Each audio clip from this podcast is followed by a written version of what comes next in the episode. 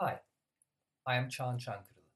I am the lecturer of GRA 311 Graphic Animation course at Graphic Design Department. In this course, we will work on motion graphics. Motion graphics is a term which means using animated design elements for visual communication. It includes not only classic animation technique, the frame by frame hand drawing animations, it also includes illustrations, photography, real footage, stop motion animation, sound, and typography. Main aim of this course is using the Adobe After Effects software to build new meanings by combining these different mediums with animation techniques. We will design basic internet banners, digital outdoor ads, moving posters, kinetic typography, and intros as projects. Hope to see you in this course uh, and have a nice day.